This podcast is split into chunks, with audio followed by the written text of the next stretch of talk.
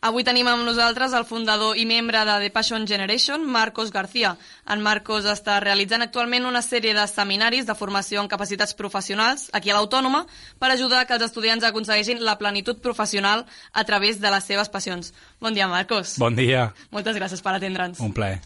En primer lloc i amb motiu dels teus seminaris, Quin va ser el motivo que va a impulsar a comenzar The Passion Generation? Em, pues el motivo fue, fue una realidad que yo creo que no solo nosotros, sino no solo nosotros de Passion Generation, sino la mayoría de gente ve, que es que hay demasiada poca gente que, que, disfruta muchísimo de lo que hace 40 días a la semana. ¿no? Yo creo que hay una epidemia de insatisfacción laboral importantísima que creo que es que creo que es fácil de solucionar y, cuando vimos el drama, un drama que nos preocupaba y empezamos a ver que tenía mucho sentido empezar a hacer cosas y que no era tan difícil, dijimos, oye, aquí tenemos que estar. Y ese es el único motivo por el cual un día nos decidimos a lanzarnos a esta aventura. Cuando veo ahora que ya había esta epidemia, per què veu notar que hi havia tanta gent o què és el que fa que tanta gent estudi coses que no els agraden o no són la seva vocació? Yo creo que es que eh, yo creo que es que es difícil saber que, o sea, lo vemos como difícil saber qué queremos hacer con nuestra vida, ¿no? Además, tenemos que tomar decisiones en momentos en los que seguramente no sea fácil. Con 18 años decidir qué estudiar y a qué dedicarte, pues no es evidente. Eh, es un momento en el que pues todos, yo me incluyo, hemos tenido preocupaciones distintas y que tengas que hay que definir algo que supuestamente es súper relevante para tu futuro, pues no es, no es evidente, ¿no? Y seguramente nos falten, yo creo que seguramente en ese momento no todos tenemos la experiencia como para tomar una decisión, ¿no? Con garantías. Y segundo es que mm, tampoco hemos aprendido, nos han enseñado muy bien a saber qué narices nos importa, ¿eh? por qué queremos dedicarle 40 horas, dónde queremos dar lo mejor de nosotros. Y cuando no te enseñan, pues es habitual que no, que no sepas. Eh, pero, pero ya te digo, yo creo que más un tema de momentum y de falta de herramientas. Fàcilment solucionable, insisto. Llavors, tenim aquestes dues vertents, és que som joves quan, triem, bueno, quan prenem les decisions i també és que l'educació potser no està molt ben enfocada en aquest sentit. Què és el que falla del sistema en l'educació? Yo no sé si falla algo. Yo creo, yo creo que, creo que más que fallar, creo que falta algo. No, no, yo no creo que lo que se esté haciendo, no tengo una opinión, o sea, no, no puedo afirmar, ¿no? Lo que se está haciendo se está haciendo mal, pero sí que creo que hay un gap todavía por cubrir, ¿no? Y es que, y es que eh, es, es, más excepción que, que otra cosa el que te encuentres jóvenes que tienen muy claro esa edad, qué es lo que quieren hacer no porque no sean capaces, sino porque por lo que sea no han tenido el espacio para el espacio ni, ni, el, ni los instrumentos para tomarla, no, para pensar con calidad y tomar la decisión. Eh, y yo creo que es algo que falta, insisto, no creo que falle.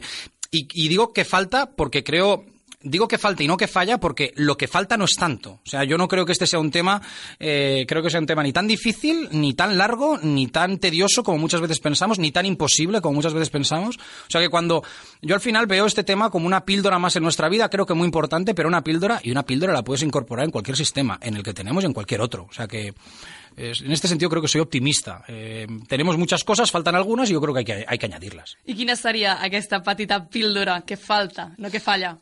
Pues mira, yo creo que es que aprendemos, a, aprendemos demasiado a tomar decisiones en, en base a qué.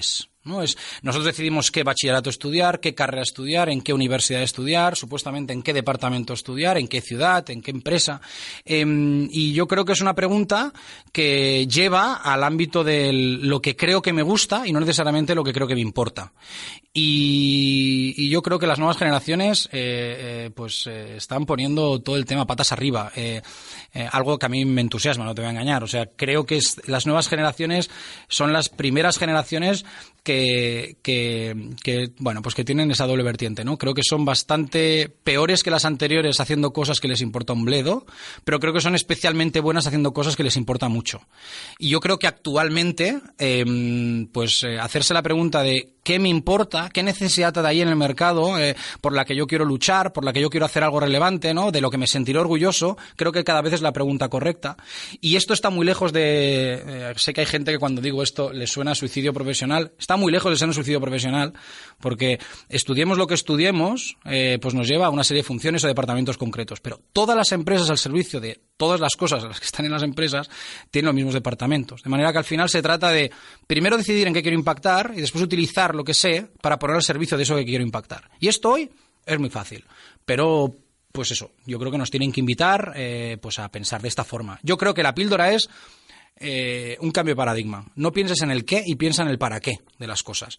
Y una vez pienses, tengas muy claro cuál es el para qué por el cual tiene sentido dar lo mejor de ti, oye, pues vamos a ver cuál es el sitio, qué puesto y a qué organización acercarte. No és tan difícil. M'agrada la diferència aquesta que has fet entre allò que ens agrada i allò que ens importa. Creus que les xarxes socials i internet han afavorit aquest canvi de paradigma? Muy buena pregunta. Yo creo que estamos hoy en el, yo creo que hoy eh, estamos eh, en general, la sociedad está mucho más interesada en, en, en intentar vender que es feliz que en serlo. ¿No? O sea, creo que las redes sociales están, están llenas de gente que intenta transmitir lo feliz que soy en momentos en los que seguramente lo son y, es, y somos más incapaces de mostrar debilidades que tenemos, como por ejemplo en el curro, ¿no? Y yo creo que, yo creo que, bueno, seguramente lo que ha hecho las redes sociales es, es, acentuar una tendencia que ya teníamos. Y es que, insisto, es mejor vender ser feliz que intentar serlo. Invertemos mucho más tiempo en intentarlo demostrar que en intentar serlo de verdad. Y lo único que ha hecho las redes sociales es, si quieres, pues eso, darle, ¿no? Un, un poquito más al gas a esta tendencia. Pero el problema estaba, yo creo que antes, y los datos hablan por sí solos, además. En una entrevista a la Universitat de Cantàbria, he estat llegint que vas explicar que vivim en una societat que treballa per viure, en la que treballa per viure està ben vist, i en la que viure per treballar està mal vist. Dit així, pot semblar que haguem de viure únicament per treballar. ¿Es pot convertir en malaltissa, la passió pel treball? Yo creo que en el momento en, que convierte, en el que tu pasión se convierte en algo que, que te controla, eh, pues como todo en esta vida, ¿no? Todo en exceso es malo y la pasión no va a ser una excepción. Yo, eh, esos mantras, ¿no? Del trabajar para vivir, vivir, trabajar, no me gustan porque dan por hecho que mientras trabajas no vives. O sea, implícito en, implícito en el discurso es vives para trabajar o trabajas para vivir es porque parece que estas dos cosas no pueden ir juntas. Y yo me parece que es dar por hecho que en el trabajo no puedes encontrar cosas que te dan la plenitud. Y yo estoy totalmente en contra de aceptar una realidad en la que 40 horas a la semana soy un amargado. Estoy totalmente en contra de, de aceptar esa realidad. Entonces creo que, que el, el, el, discurso en el que, del que yo creo es vive mientras trabajas también. O sea, tienes que vivir fuera del trabajo, pero tienes que vivir mientras trabajas y, y esto me parece no, solo, no solo posible, sino cada vez más recomendable y cada vez más, más deseable por las organizaciones. Porque cuando te importa un bledo por lo cual trabajas, la organización en la que trabajas lo huele. Y tú también. O sea que eh, creo que se han puesto como, ¿no? Se, se, ha creado una falsa dicotomía entre, entre el trabajar y el vivir. Y vamos, eh, estoy totalmente en contra. Viva el, el, vivir mientras trabajas y disfrutar de esas 40 horas a la semana. Viva. Y es perfectamente posible y cada vez conozco a más gente que lo hace. O sea que, oye, vamos a crear, en, vamos a creer en esto, ¿no? Que, que tanta gente nos demuestra que es posible. Un estudiant d'aquí de l'Autònoma li estava comentant que vindries a l'entrevista i ella em deia, pot passar que si integrem tant la vida privada i la laboral no arribem a desconnectar mai? Pues mira, no lo sé, pero, pero no sé si es lo importante. Eh, mira, hace poco en un seminario explicaba una anécdota que, que, la verdad es que la improvisé y ahora cuando has dicho esto me ha venido a la mente, ¿no? Yo, yo pues eso, yo, yo, esto de que hablamos del para qué, yo lo he hecho de una forma mucho más caótica que invito a los jóvenes a hacer cuando hacemos los seminarios. Yo no soy ejemplo de nada, pero, pero veo las fórmulas que funcionan y mi único objetivo es llevar las nuevas generaciones y que, y que la intenten aplicar mucho mejor que, que, pues que a lo mejor yo hice, ¿no? Y que tanta otra gente está haciendo. Eh, voy a explicar una anécdota, ¿no? Yo durante una etapa de mi vida y creo que sigue estando ahí, lo que pasa que con algunos matices, me interesaba muchísimo el, el, el, el, ver cómo sacar la mejor versión de cada uno, ¿no? Y esto era uno de los motivos por los que yo me dedicaba a recursos humanos. Yo tengo una trayectoria que he hecho en recursos humanos y después, bueno, he hecho varias cositas, pero una de esas está ahí. Y claro, yo me observaba cuando iba con mi actual mujer a comprar, ¿no? Íbamos a una tienda de ropa, ella estaba mirando ropa y a mí no es un tema que precisamente me entusiasme. Eh, y yo me recuerdo observando eh, a los dependientes o dependientes que había en esa tienda eh, y qué narices había detrás para que uno sonriera tanto y otro no. Y esto lo hacía mientras estaba por la tarde, mi mujer estaba probando algo en el, probador y yo estaba ahí fuera observando la situación. Y hay gente que puede decir, oye, pues es que eres un workaholic, ¿no? Eres un tío que no es capaz de desconectar el trabajo. Pero yo no lo hacía por el trabajo, yo lo hacía por mí. A mí me generaba un interés brutal el entender qué había detrás de cada persona, incluso a veces les hacía preguntas y veía, ¿no? Me hacía pasar por cliente interesado para ver qué había detrás. Y y yo no lo yo personalmente no lo vivía como nada ni enfermizo, ni preocupante, ni que no desconecto, ni nada. Lo hacía porque me apetecía. Yo creo que al final nada es bueno o malo. Todo depende de qué es lo que te hace sentir hacerlo y qué es lo que te lleva a hacerlo. Si lo haces porque porque oye, la curiosidad que hay detrás pues te invita a hacerlo, pues no hay ningún problema. Si lo haces porque es que, no, porque si no, en el trabajo, no mi jefe o no sé qué, pues a lo mejor sí que es un poco enfermizo. Yo no creo que haya verdades absolutas. No creo que haya bueno o malo el desconectar o no desconectar. Depende cómo cada uno lo viva. Pero si lo vives bien, no hay ningún problema. O sea, hay gente que, eh, hay gente que, que, no desconecta y es más feliz que muchos que desconectan. O sea que bah, no creo que haya fórmulas mágicas en este sentido. No es, és tan fàcil com esto, en realitat.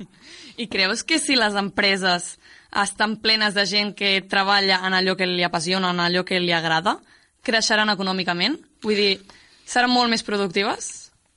Hay estudios de estos, ¿eh? O sea, mm, hay estudios que hablan precisamente de esto. Eh, eh, algunos de los vídeos nosotros los utilizamos en el seminario porque lo último que queremos es que este discurso suene a eh, un discurso inspiracional sin contenido detrás. O sea, creemos que casi todo está escrito sobre este ámbito y lo importante es que utilicemos lo que está escrito. Y hoy se sabe que cuando, cuando estás conectado con algo, algo que te genera cierto optimismo porque lo que hay detrás lo visualizas y te importa. Eh, eh, hay datos que hablan de mayores rendimientos de gente cuando está así en el trabajo. O sea que eh, ya, no es, ya no es lo que crea, es lo que se sepa, lo que se sepa. Hoy, hoy esto se sabe. ¿no?